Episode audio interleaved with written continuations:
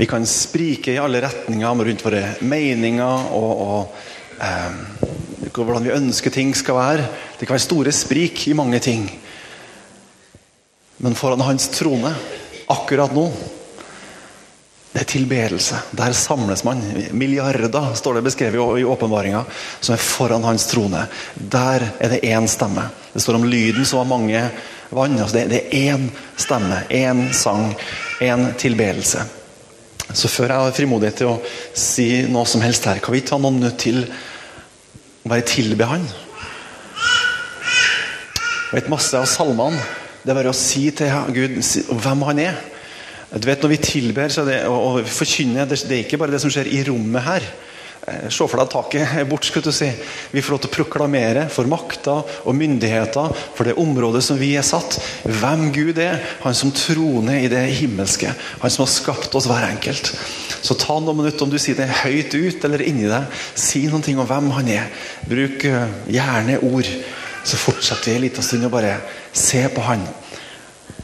Han er på ordentlig. Har du en setning, si det ut. Hvem han er. Det, det skjer noe med oss når vi bare løfter hjertet sånn som det her. Vi er skapt for å tilbe Han. Vi er skapt for å gi Han ære. Vi er skapt for å beundre Han med alt vi er og har. Vi er skapt for å se Han, for å sanse Han. Vi er skapt for, altså livet, vi, Det står om oss at vi, det er i Han vi lever, beveger oss og er til. Og På mange vis som kristne i, i det her århundret så har vi, vi har mista himmelen. Vi har mista overbygningen. Vi lever våre liv som alle andre, kanskje. Men så har Gud planta Guds rike på innsida. Han har planta himmelen på innsida. Han har planta seg sjøl på innsida, så at vi skal få lov til å kjenne Han. Ikke bare streve oss gjennom et liv, og så en dag få lov til å se Han. Han kom, og han fortsetter å åpenbare seg. Jeg kan legge merke til Når vi leser i åpenbaringsboka, så til hver menighet, når en sier noen ting som for oss kan høres litt sånn skarpe ord, kanskje, så begynner han alltid med å si noe om seg sjøl. Jeg er den første. Jeg er begynnelsen og enden. Jeg er livet. Jeg er sånn og sånn. Alltid når vi søker Han, så ser vi noe mer av hvem Han er. Så Philip sa at vi skal se på Guds ord. Men Guds ord er ikke som du sa, noe teknisk og akademisk, men det er jo Han. Det er Han som gir av seg sjøl. Det er Han som snakker til oss. Og hva det står, Se til at du ikke avviser Han som taler fra himmelen. Han snakker til oss. Han har noen ting til oss. Hele boka er full av mennesker som Gud taler til, og som får livene sine forvandla etter hvordan de eh, handler på det Gud taler til oss. Så her er en bønn for i dag. Til at Gud må puste på oss på nytt. Det har vært en lang sommer. Jeg vet ikke hva som har skjedd i Ja, det har vært en lang sommer. Men min bønn, Hellige Ånd, må du puste på oss på ny. Må du vekke opp det eh, du vet, Gudslivet er som en sånn flamme. Og det er forskjellig. Er det en stor flamme Nå har ikke jeg, nå har ikke jeg fullførte ikke speideren, men, men det er forskjell på en liten flamme og en stor flamme. Hvordan du forholder deg til den. Den store flammen den, ja, den lever kanskje sitt liv, men den lille må du komme litt tettere innpå. Du må puste på den. Du må gi den det den trenger. Du kan ikke slenge en kubbe i hodet på den. Du må legge inn det her Vi må behandle det varsomt. og Puste på. Og Det er min bønn her, at Helligånd får lov til å puste på oss i dag. At vi får lov til å vekke opp det som finnes av, av liv. Ikke av rammer og struktur og program og greier. For Vi kan bli så oppgavefokusert, vi kan bli så mekanisk og vi skal bli så pliktoppfyllende og vi skal ture på i menneskelig kraft. Men la Han puste på det livet på innsida. En liten hemmelighet du får med gratis her. Det er ikke bare han som puster. Vi får også lov til å puste på hverandre. Blåse og nøre opp og oppmuntre og styrke. Oppmuntre det som Gud har poda inn i hver enkelt av oss som sitter her. Vi er gitt til hverandre. Én kropp. Jeg tar det som et amen. Jeg var på et møte en gang. Jeg skal ikke si hvor og hvem, eller noen ting, men mobiltelefoner var et nytt fenomen. Um, og Det var stor forventning til hva som skulle skje på møtet. Også en som har fått en melding kanskje for første gang i sitt liv. For det sto jeg, og Møtet har, eh, ja, møtet holdt på å skulle begynne, og så fikk han en, en eldre dame som fikk en tekstmelding der det sto 'Jeg kommer snart'. Og Hun reiste seg opp. 'Jeg har fått en melding. Jeg, Jesus kommer snart'. Eh, fordi det sto ikke noen avsender. Men, men, eh, men, ja. Så jeg vet ikke om det kanskje var det som skjedde. Vi er takknemlige for teknologien. Men det kan jo at det var noen som var forsinka til møtet òg. Men, men, det er skeptikeren i meg som, som tar det. Han kommer snart, forresten. Det er en annen sak. Jeg føler Gud har ydmyka meg litt den sommeren her. Og det trengs. Han står de stolte imot, står det. Men de ydmyke gir nåde. Vi trenger ikke å kjempe imot vet du, når det er han som prøver å ydmyke oss. Det er så mye oss sjøl som prøver å holde oss opp. Vi er som dere hadde vært i bassenget og prøver å holde under badeballen. Vi er litt sånn. Så tror jeg Gud ønsker å ikke punktere oss. Det var voldsomt. Jo, hold oss under. Det er godt vet du, å være under det som han sender til oss. Ehm, men likevel, selv om jeg føler meg litt sånn ydmyk her,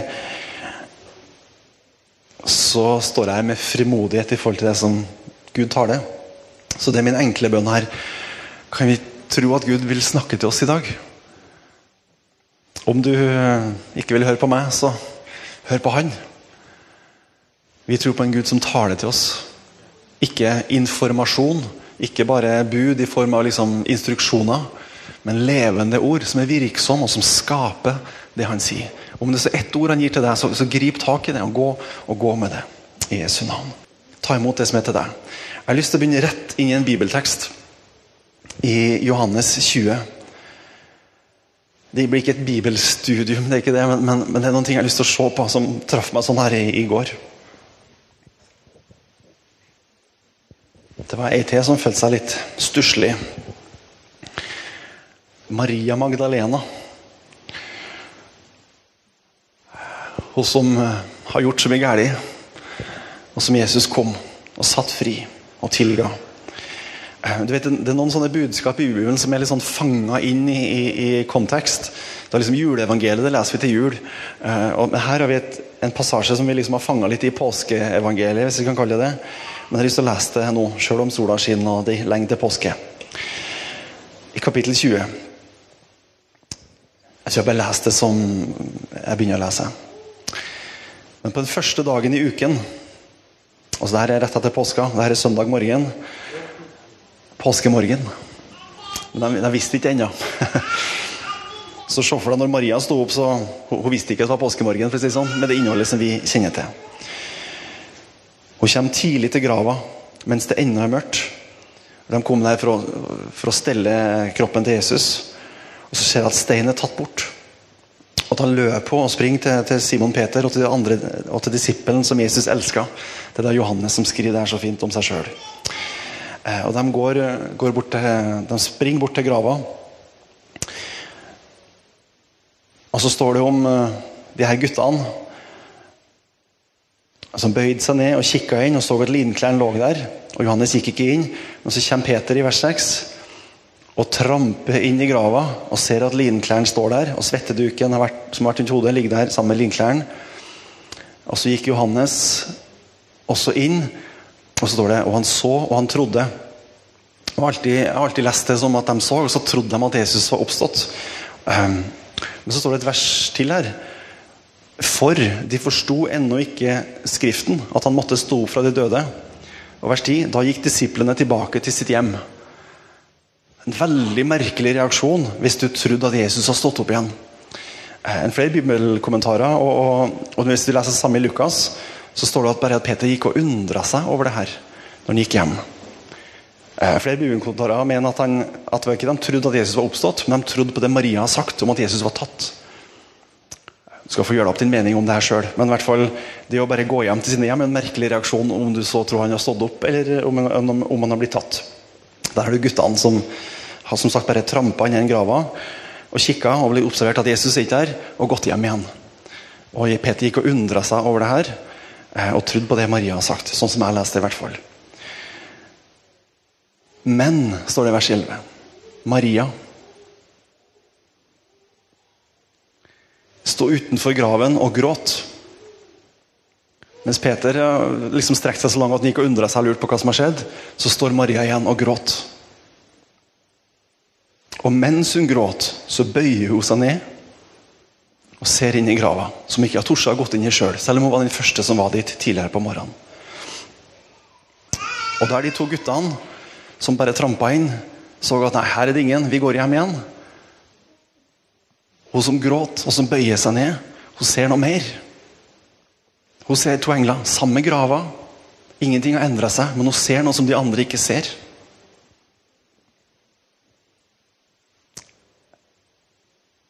Hun ser to engler i hvite klær som sitter der Jesu legeme har ligget. Den ene ved hodet og den andre ved føttene. Og De sier til henne, 'Kvinne, hvorfor gråter du?' Jeg minner dem når jeg før har lest det her, så har jeg nesten lest det som sånn åh, hvorfor, hvorfor skriker du? Det er ikke noe grunn til å gråte. Eh, men jeg opplever når jeg leste det nå på nytt, at det, ikke, det er mer enn sånn Oi, hva er det som skjer her i hjertet ditt? Hvorfor gråter du? Det er mer empati i det her enn bare sånn Vær stille, kvinne. Det er ikke noe grunn til og, det, og grunnen til det er at Jesus gjentar det samme. Og Hvorfor gråter du? Jo, svarer jo fordi de har tatt min Herre bort. Og jeg vet ikke hvor de har lagt den. Det er en sånn smerte og en sånn lengsel i det som Maria har opplevd. Mens, mens jeg guttene bare gått hjem og lever godt med eh, kanskje med den undringa på en annen måte. Så er det noe med Maria som hun har opplevd noe som heter jeg, jeg går ikke fra den grava. Jeg går ikke eh, før jeg har sett han, før jeg har fått tak på han. Og blir sånn irrasjonell. òg. eh, du vet Mennesker som elsker høyt, de blir litt irrasjonelle. Eh, og Da hun har sagt det, så snudde hun seg rundt og ser Jesus stå der. Men hun visste ikke at det var Jesus. Vers 15. Jesus sier til henne de sier det samme. 'Kvinne, hvorfor gråter du?' Jeg velger å tro at det er heller ikke en sånn hysj. Det er ikke noen grunn til å gråte. Men det er, oi, hva er det som foregår i hjertet ditt nå? Hun svarer det samme.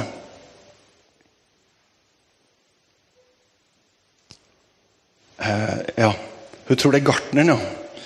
Jeg vet ikke om det er tårene i øynene, eller hva det er som, eller om det er liksom det som foregår på innsida. Men hun sier i hvert fall til en Herre, hvis det er du som har båret den bort, så si meg hvor du har lagt den, så skal jeg hente den. Og det er ganske, Hva så hun for seg? Skal jeg ha en trillebår? Eller sånn, det er fullstendig irrasjonelt, men liksom gi meg Jesu kropp. Jeg skal ha han. Ja, det, det sier noe om desperasjon til Maria der. Hun var ikke så veldig opptatt av gartneren nå, for, når Jesus sier til Maria så må hun snu seg.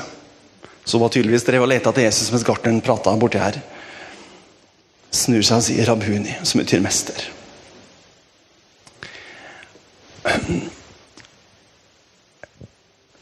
Det er, ikke en, det er ikke en akademisk tekst vi skal dissekere. Men Maria, som ikke var nøyd seg med å bare springe hjem og Ja, ja, Jesus er borte. Men som gråt og som bøyde seg ned, og som sto utafor her. Jeg, jeg, går ikke før jeg har funnet Jesus. Hun så noe som de andre ikke så. Og Jeg ønsker å tale til deg som kjenner på lengselen, som kjenner på smerten over de områdene. Jeg har ikke Jesus sånn som jeg burde. Han er ikke en del av mitt liv sånn som han burde. Jeg mista noe av Jesus underveis på et eller annet vis. Det er noe som ikke er sånn som Du som smertes, jeg i hvert fall smertes over gapet mellom det jeg leser om, og det jeg ser. Vi kan, være, vi, kan, vi kan være, litt sånn fin og bruke et fint ord på det å kalle hellig lengsel. Men det var ganske rått, sånn som det er illustrert i Maria her. Og Det kan være ganske rått i våre liv, av frustrasjon, av smerte, av lengsel som ikke er oppfylt. Men min bønn er at når den lengselen blir konsentrert på Han, og vi ydmyker oss og bøyer oss og kikker inn en gang til, så tror jeg vi ser noen ting som vi ikke har sett før. Så vi får ikke gjøre som Peter i dag. Bare gå. Ikke bare gå hjem. For tidlig å gå hjem. Ja, Jesus. Jeg ber om at du vekker opp vår indre Jesus til å igjen lengte etter deg. Og til å faktisk ha tørst å kjenne på hvor det smertes, og hvor du ikke har fått rom sånn som du burde, Jesus. Ikke til dom for oss, ikke til forkleinelse, ikke for å ta oss på noe vis, men for at dine armer er utstrekt imot oss, Jesus. Og for at du har noe mer for oss, Jesus. Der du står og tilbyr deg sjøl, Jesus. Og du viser dine gjennombora eh, hender og føtter til oss alle sammen, Jesus. Og sier 'kom'.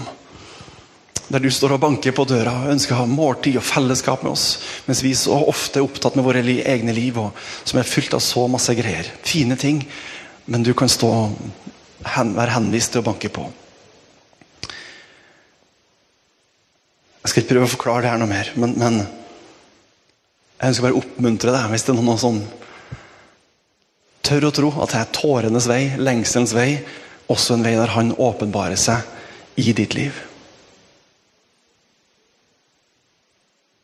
Tør å lengte, tør å be, tør å søke. Tør å snakke med det her om andre. Og sammen finn Han. Det står om det med skatter i mørket. Jeg tror det finnes sider av Jesus vi bare oppdaga gjennom, gjennom det, noen sånne prosesser.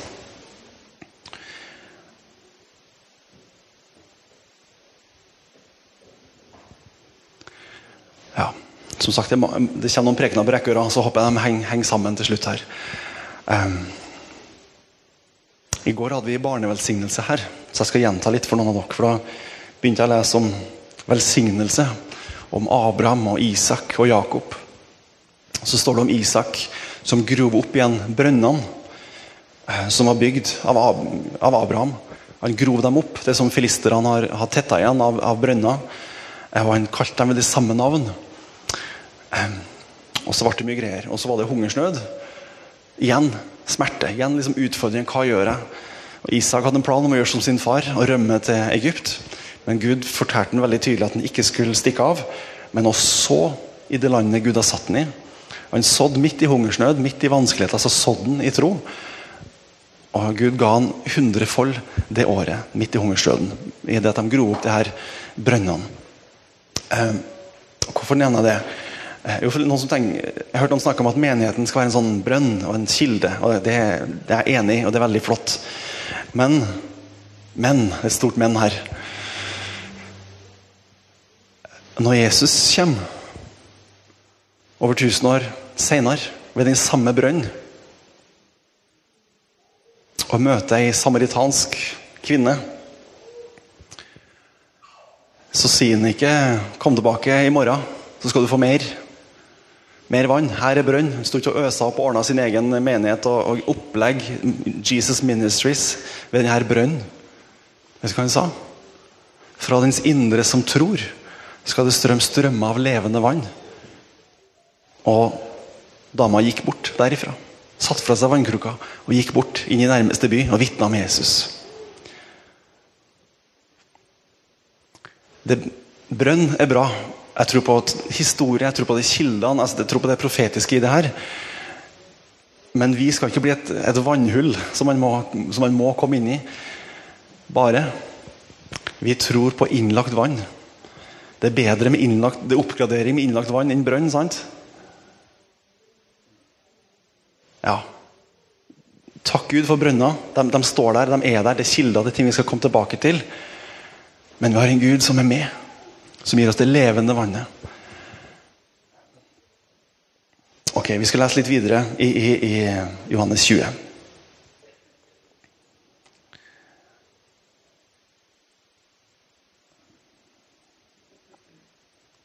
Tenk deg midt oppi det her. Maria har sett Jesus. Disiplene har ikke sett Jesus. Har Jesus stått opp? Ja. Han har stått opp. Men like fullt så er disiplene altså Vers 19 så sitter de bak lukka dører, samla fordi de frykta fra jødene. Jesus har gjort det han skulle.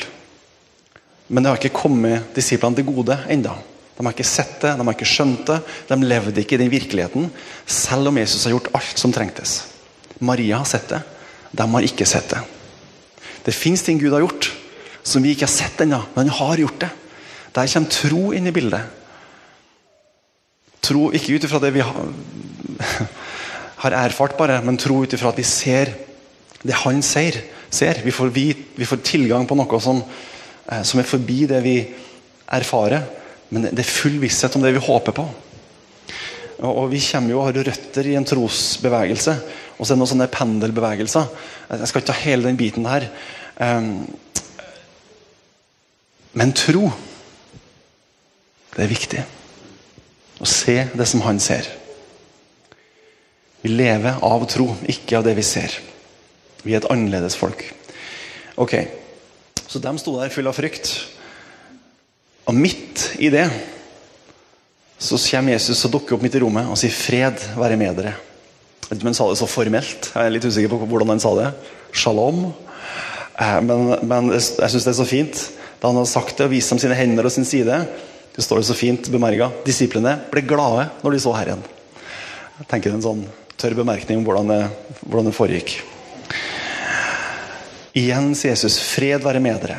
Som far har utsendt meg, så sender også jeg dere. Vers 22. Der kommer bønna mi. Da han hadde sagt dette, så åndet han på dem, han pusta på dem og sa, ta imot Den hellige ånd.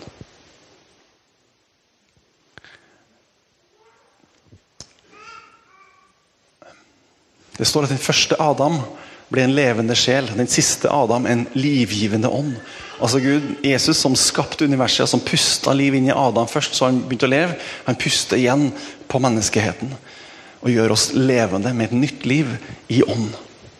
Og Vi trenger at han puster på oss. Vi trenger å stå så nært at vi kjenner, kjenner pusten. skal du si. Um, det står 'bli stadig fylt av ånden'. Det står for en grunn. Utslokk ikke ånden, står det. Det står så mange henvisninger underveis at det ikke var nok å, altså Det var sterkt å rekke opp hånda en gang på 80-tallet, men, men, tenk at vi har Den hellige ånd, som fortsetter å puste på oss, veilede oss, fylle oss og gå sammen med oss. Jeg sa det jo i går på denne barnevelsignelsen, at vi er i velsignelsen, i salvelsen, ikke så lenge vi er salva, men så lenge vi har en konge. Det står om salvelsen renner gjennom Arons skjegg. altså Så lenge vi er under han som er konge, så lenge vi har en som herre, da er vi salva. Da er vi velsigna. Der fins det fred. Det er under den allmektiges skygge. Det er der det fins velsignelse. Det er der livet er godt å leve.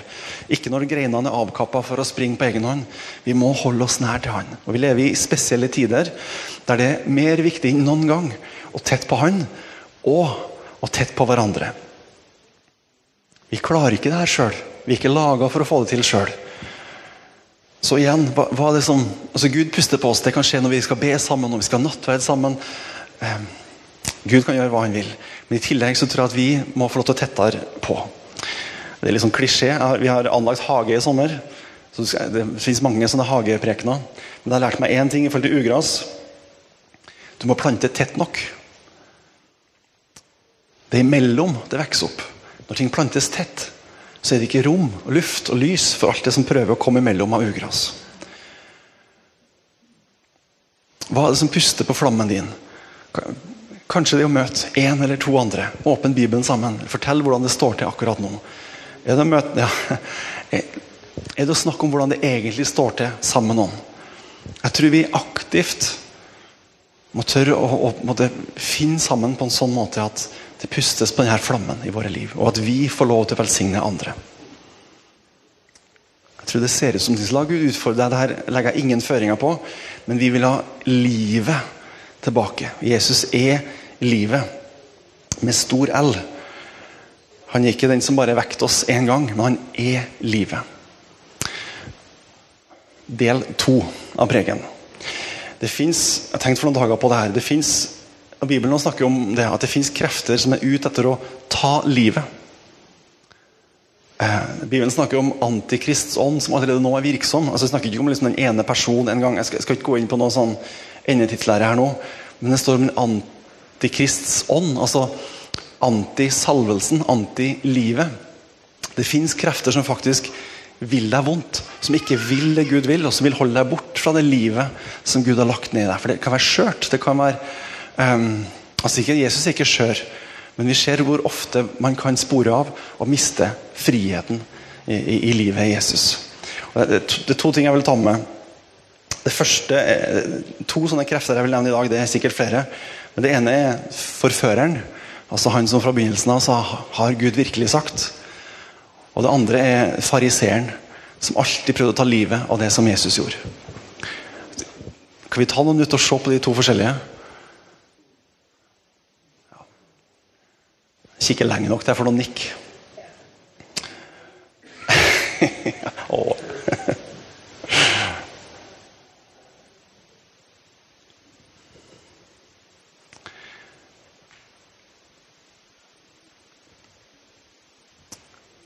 Det fins Bare sånne ord som forførelse er så voldsomt at vi tenker at nei, det, det angår ikke oss. Um, Men Jesus og apostlene advarer igjen og igjen mot forførelse. Mot å bli litt sånn litt ute av kursen. Og så kan vi tenke, ja, men Hva er det så viktig om vi tenker rett om det eller det? da? Eh, jo, det, det, betyr noe for han. Vi lever i en veldig postmoderne tid der, der tidsånd sier at ja, ja, du kan ha din sannhet og jeg kan ha min sannhet. Men det, det høres arrogant ut, men det fins én sannhet, og det er personen Jesus. Og det er hans ord. Det er sant i møte med alt mulig. Så det fins krefter som prøver å forføre, som prøver å bøye av fra sannheten. Eh, og det første forføreren sa, var har Gud virkelig sagt? Er det så nøye? Ja, ja, kanskje sånn. Kanskje han egentlig ikke vil deg godt. Han stiller spørsmål ved Guds natur og hans godhet. I møte Eva falt jo. Men Jesus møter samme fristelsene i ørken. Og møter en veldig kontant. Det er en litt sånn knockout for Jesus med 'det står skrevet'. Bam! Det står skrevet. Det står skrevet. Han henviser til Guds ord igjen og igjen. Veldig sånn kategorisk. Vi skal lese fra 2. Korinterbrev 11 midt oppi det her. Går det bra med dere? Kanskje, ja. Det blir bra etter slutt, i hvert fall. Her er det Paulus som sier kapittel 11, vers 2 og 3. Det her òg traff meg sånn. Her skriver han til sine venner i, i Korint, vers 2. For jeg er nidkjær for dere med Guds nidkjærlighet. For jeg har forlovet dere med én mann, så jeg kan fremstille dere som en ren jomfru for Kristus. Det er fint. Men jeg frykter for at slik som slangen forførte Eva med sin list, slik vil også tankene deres bli fordervet og drevet bort fra den enfoldige og rene troskap og hengivenhet mot Kristus. Ja, Der står rene hengivenhet til Kristus.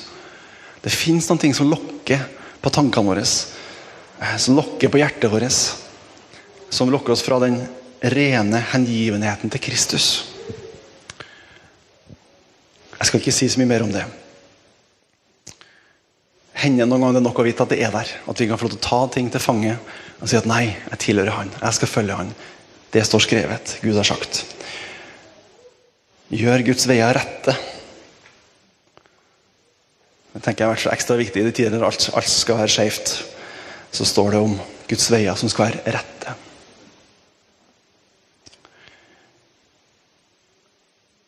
Forføreren. Neste er fariseeren. Jeg opplevde Gud sa til meg at jeg skulle liksom eh, studere litt hva en fariseer er. Så jeg er frimodig nok å si det til kona Anniken. Hun sa at jeg har studert en fariseer i elleve år. Så. Men, men, vi har vært gift i elleve år, da. Um, men eh, så sånn, sånn, er det når man betror seg til fruen. Det er ikke flere som har prøvd på det.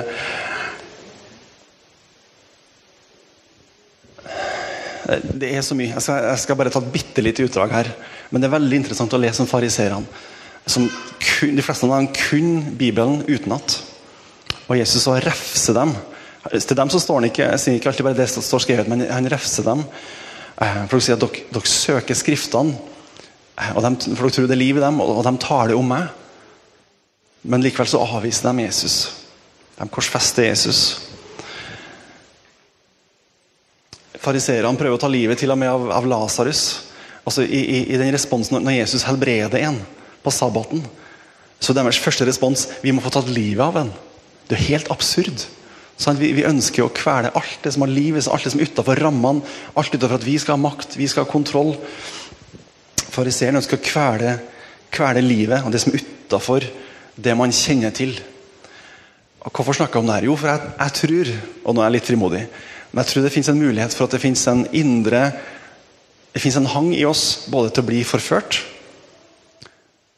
og det fins også en, en, liten sånn indre fariseer som kan finnes der. Som vi skal få tatt uh, litt livet av her, her, i dag. Er vi uh, enige om det? Ja. Bra. Profetisk handling, ja. Jesus sier til sine disipler pass, Han sier ikke 'pass dere for fariseerne', men han sier 'pass dere for fariseernes surdeig'. For det er noe i det de formidler som bare gjennomsyrer som bare driver oss av gårde. Og Peter var på et, tid i livet sitt der, der til og med Paulus konfronterte ham fordi at Peter bøyde av fra den rette lære. Han har vært litt på et eller annet vis med på det her loviske. Så Peter nei, unnskyld, Paulus konfronterer ham. Den surdeigen den kan være så under radaren på oss. Så vi må få lov til å leve i lyset med Han og under Hans ord. Og så må vi leve i åpne eh, og gjennomsiktige relasjoner der vi kan tale til hverandre, be for hverandre og styrke hverandre.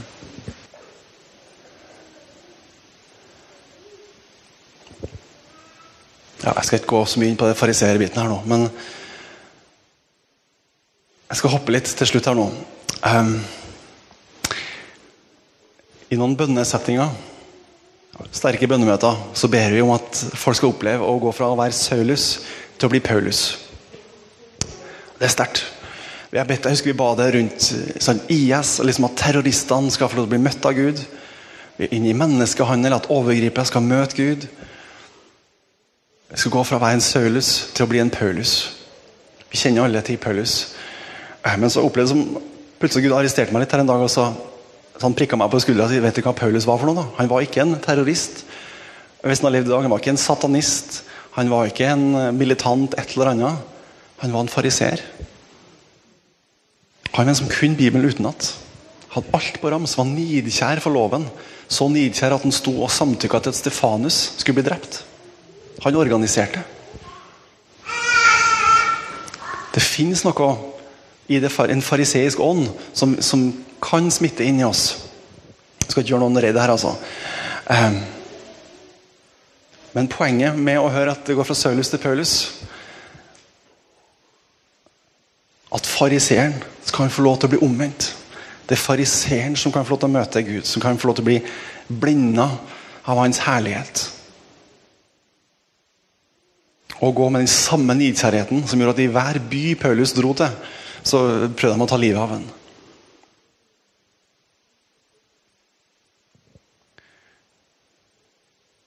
Jeg tror vi på mange vis har blitt vant til at ting bare er sånn som det er. Er vi klar for en liten sånn Damaskus-opplevelse? Se lyset.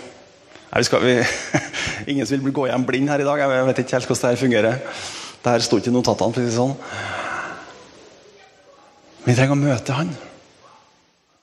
Vi trenger at han puster på oss og møter oss så radikalt som med Paulus at han var på vei til Damaskus for å i Guds navn fengsle kristne. Og radikalt endra livsløpet. Som sagt, å være velsigna, være salva, det er han annen konge, en annen herre. Ofte forkynner vi Jesus som frelser, men ikke som herre. Men det fins ingen annen vei i at han får lov til å være herre. Jeg sitter her for å være vanskelig. Jeg skulle gjerne stått som pastor og si at det går bra uansett hva vi gjør. Det gjør ikke det. Det er når vi følger Han. Når vi følger Hans ord, som er en lykt som er lys for vår fot. Når vi spiser av Han, det er levende manna fra himmelen.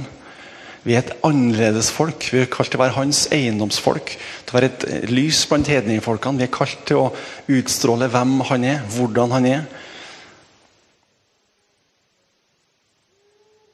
Jeg tror vi står midt i en sånn ripping apart. Altså midt i en sånn, et sånt skille der båten holder på å legge fra kai. Der jeg i hvert fall får avslørt mer og mer ting som er bare så sammenfletta med denne verden, som Gud ønsker å løse oss ifra. Og Der ordene 'kom ut fra dem' har vært med meg hele, hele sommeren. 'Let my people go', er ikke det Moses sier? Ut fra slaveriet, ut fra alle greiene som verden driver på med. Det står jo at Før holdt dere på med alt de samme greiene, og nå undrer verden seg over at dere ikke er med på de utskeielsene og greiene her. La verden undre seg. Hva er det som skjer? Hvorfor gjør du ikke de greiene der? Hvorfor, hvorfor, er du ikke med på det lenger? Hvorfor gjør du sånn? Hvorfor velger du sånn? Hvorfor bruker du pengene dine sånn? La verden undre seg over at vi er et annerledes folk. Ikke for å være rar, men fordi vi har en annen konge.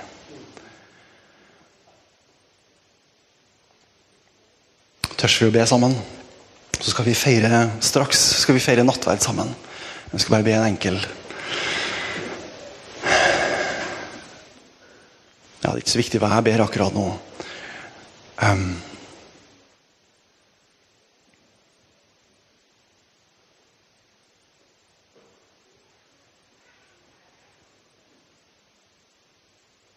Men kan vi gi en enkel respons i hjertet om at Jesus er din?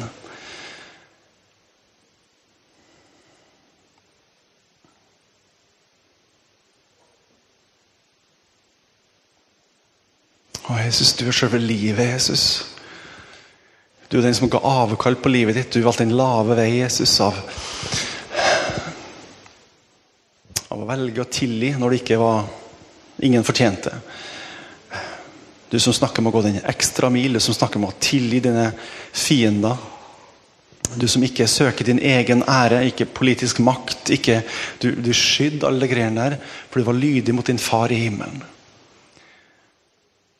Jeg ber om at uansett hva denne verden prøver å lokke med av goder, av makt, eller av innflytelse eller av fristelser, så skal vi sky det som du gjorde i ørkenen, Jesus. Men det står skrevet. Det står skrevet. Min Gud er ikke sånn. Å ha vår troskap, vår rene hengivelse til Kristus.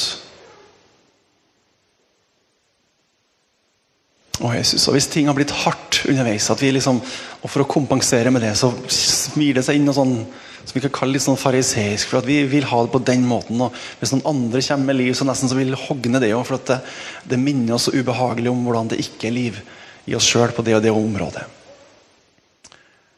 Jesus, vi ønsker å legge det ned, Jesus. Ønsker at du puster på oss, så kommer ditt liv og møter oss igjen, Jesus.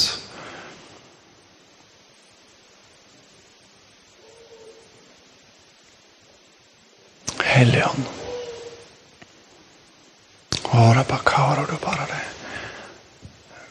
Om vi tar bare ett minutt til. Ikke for at jeg trenger det, eller for at det er noe sånn um, Men jeg opplever og tror at vi skal få lov til å Om så bare være stille innenfor Han, og la Han snakke til deg, eller hva det er. Helligånd, pust på oss, Helligånd. Vi kan ikke mane fram livet i deg sjøl. Vi har prøvd med egne anstrengelser til å bli kvitt i knokene. Men livet kommer fra deg, Jesus. Å, Jesus. I Jesu navn så legger vi ned egne anstrengelser. Jesus, Eget strev, eget stress. Jeg ber oss om at følelse av skam og ikke være bra nok. Takk at det å skylde over oss, Jesus. Takk at vi er dine, Jesus, som er høyt elska av deg, Jesus. Som vi har hørt her. vi vi er sammen om hvem det er som elsker oss. og Det er du, Jesus. Som ga ditt liv, Jesus. Og så Med ditt blod Jesus, så vasker du bort de her flekkene som vi ikke får til å vaske bort sjøl. Og hvis vi har vært så kristne så lenge at vi i vår stolthet skal prøve å vaske det bort sjøl og skjule det For at det skjer ting underveis. Så takker jeg akkurat nå Jesus for din nåde Jesus, og ditt blod som renser oss og vasker oss hvit som snø. Jesus, Med en kraft som kommer bare fra deg, Jesus. Du er det eneste løsemiddelet. Eneste betalingsmiddelet Jesus, i den åndelige verden. Det er ditt blod og det du har gjort fullbrakt, Jesus. Takk at vi får lov til å være gå fra å være den her laudikeiske menigheten som tror at alt er på plass, og til å bli den her bruden som har vaska seg rein, som elsker deg, Jesus.